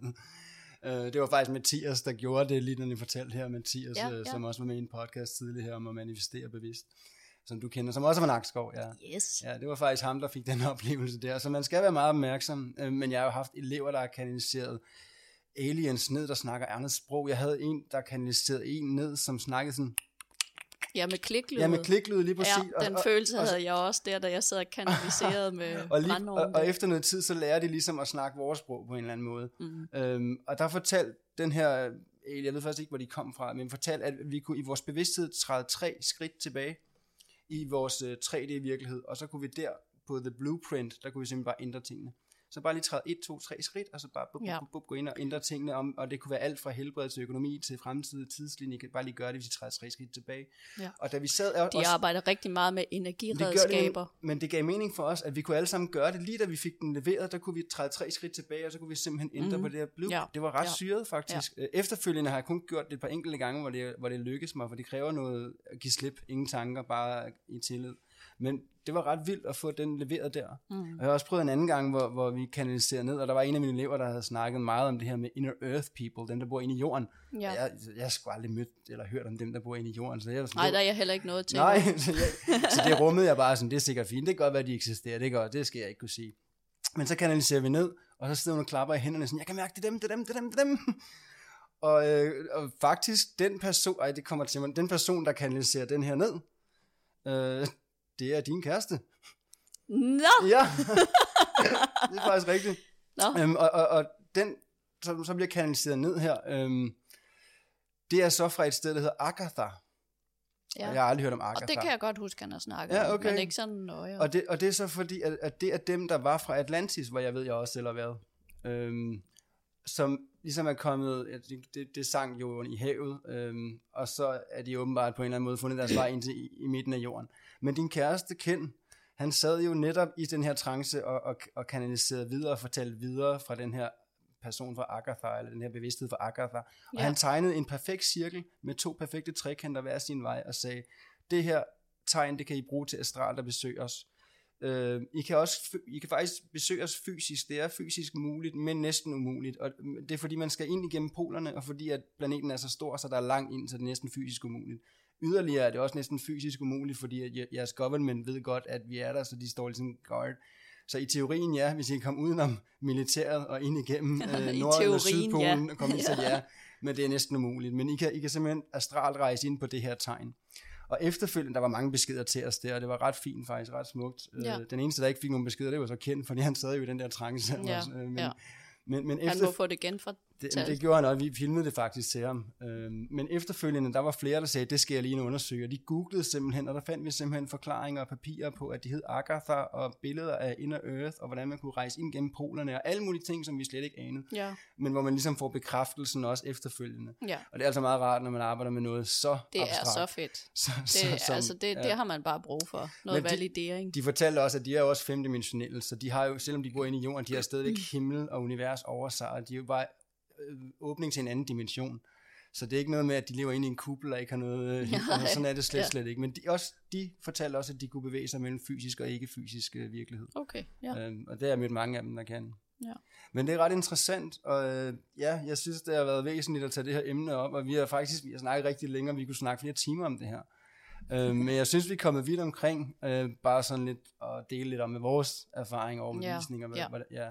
Men inden vi sådan slutter af her, Kim, er der et eller andet, som du gerne lige vil have med øh, i de her emner? Jeg håber da, at, øh, at have givet folk det med, at øh, de ikke skal gå og føle sig alene og tro, at de er tossede, hvis de øh, tror på ting, som måske er lidt uden for naboens bevidsthedsområde. Lige præcis. Og man kan sige fysisk, altså, det eneste bevis, vi har på, at der findes alien ude i universet, det eneste fysiske bevis, vi har på det, det er vores egen eksistens. Ja. Men det er Og der kunne så, man komme ind på en helt anden man- ting med deres evner, og dem har vi også, hvis Ja. vi bare træner dem. det har, og det er jo det, vi er i gang med Ja. øh, kollektivt, Ja. øh, med at mærke os selv tydeligt. Det er jo der, Ja. den starter. Ja, det er Øhm, det. og det er jo også derfor, at vi gerne vi laver den her podcast. Det er for at inspirere, ikke for at putte nogen i forkert eller rigtig kassen, men bare at sige, det er vores virkelighed, det er vores erfaring, det er det, vi oplever, det vi Mm. arbejder med. Og hvis du oplever noget tilsvarende, ja. eller synes, det resonerer, jamen så kan det være, at du kan bruge noget af det. Og, og, og vi to er jo ganske almindelige mennesker. Ja. Altså Ja. det er også, Nå, Ej, ja, ja, ja, det, det er det er vi, måske ikke alle, vi der vil synes det, men vi er jo også mennesker. Altså, Vi ikke, er det er jo ikke sådan så, at vi render rundt, som du siger i indledningen, Nej. og svæver på en lyserød sky. Og, er helt der er jo også en fysisk virkelighed, og den er vi jo også nødt til at forholde Vi os skal til. nemlig finde balancen mellem sjæl og krop, både finde balancen på den fysiske virkelighed og den ikke-fysiske. Vi skal bare ja. Integrere begge dele og finde ja. En balance, lige præcis.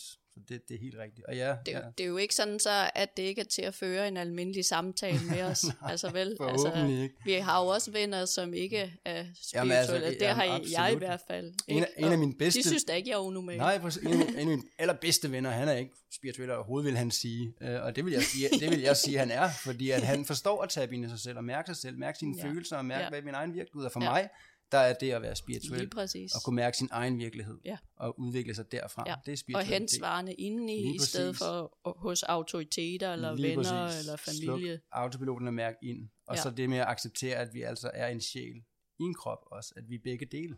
Mm. At øh, vores avatar her er ikke nødvendigt, det er ikke den, vi er. Ligesom, Nej. det tror jeg, jeg har brugt før det her, men vi bliver jo ikke til en bil, fordi vi sætter os i bilen. Nej, Vi en det kan jeg godt sige nej til. Fair nok.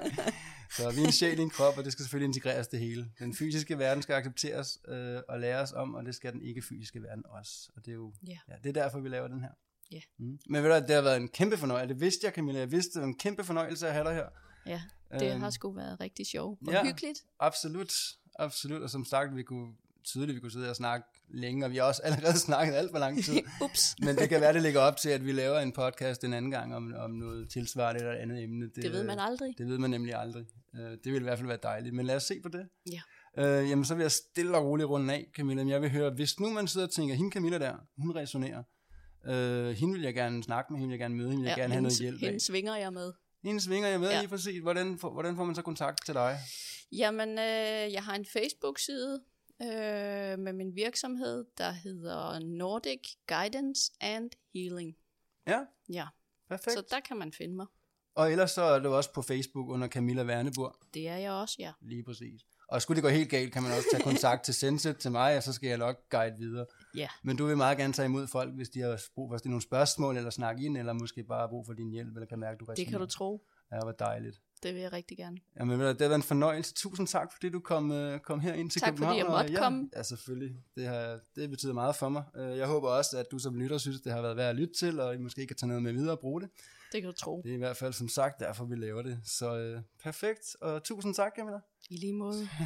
Vi lukker stille og roligt af her, og jeg ser frem til et fortsat fremtidigt samarbejde med dig. Det gør jeg Det er, også. er sgu lidt dejligt at have dig på sidelinjen også, øh, at man ikke render helt alene rundt og snakker om øh, aliens. Der... De to, de to, de to, de to. tak for den her gang.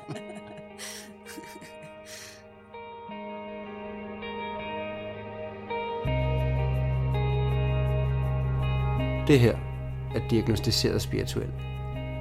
Jeg håber, at du føler, at du kan tage nogle ting med videre herfra. Og måske endda føler dig lidt inspireret. Om ikke andet, så håber jeg, at du har følt, at det har været underholdende at lytte med. Og jeg vil rigtig gerne takke dig for at bruge din tid på at finde ind på den her podcast. Og skulle du føle, at den har givet dig noget positivt, så vil jeg blive meget glad, hvis du vil dele det med familie og venner, og gerne i dit netværk, og eventuelt skrive mig en anmeldelse. Om ikke andet, så håber jeg, at du vil lytte med i næste afsnit, når vi igen går i luften med et emne, der har brug for at se dagens lys. Tak fordi du lyttede med.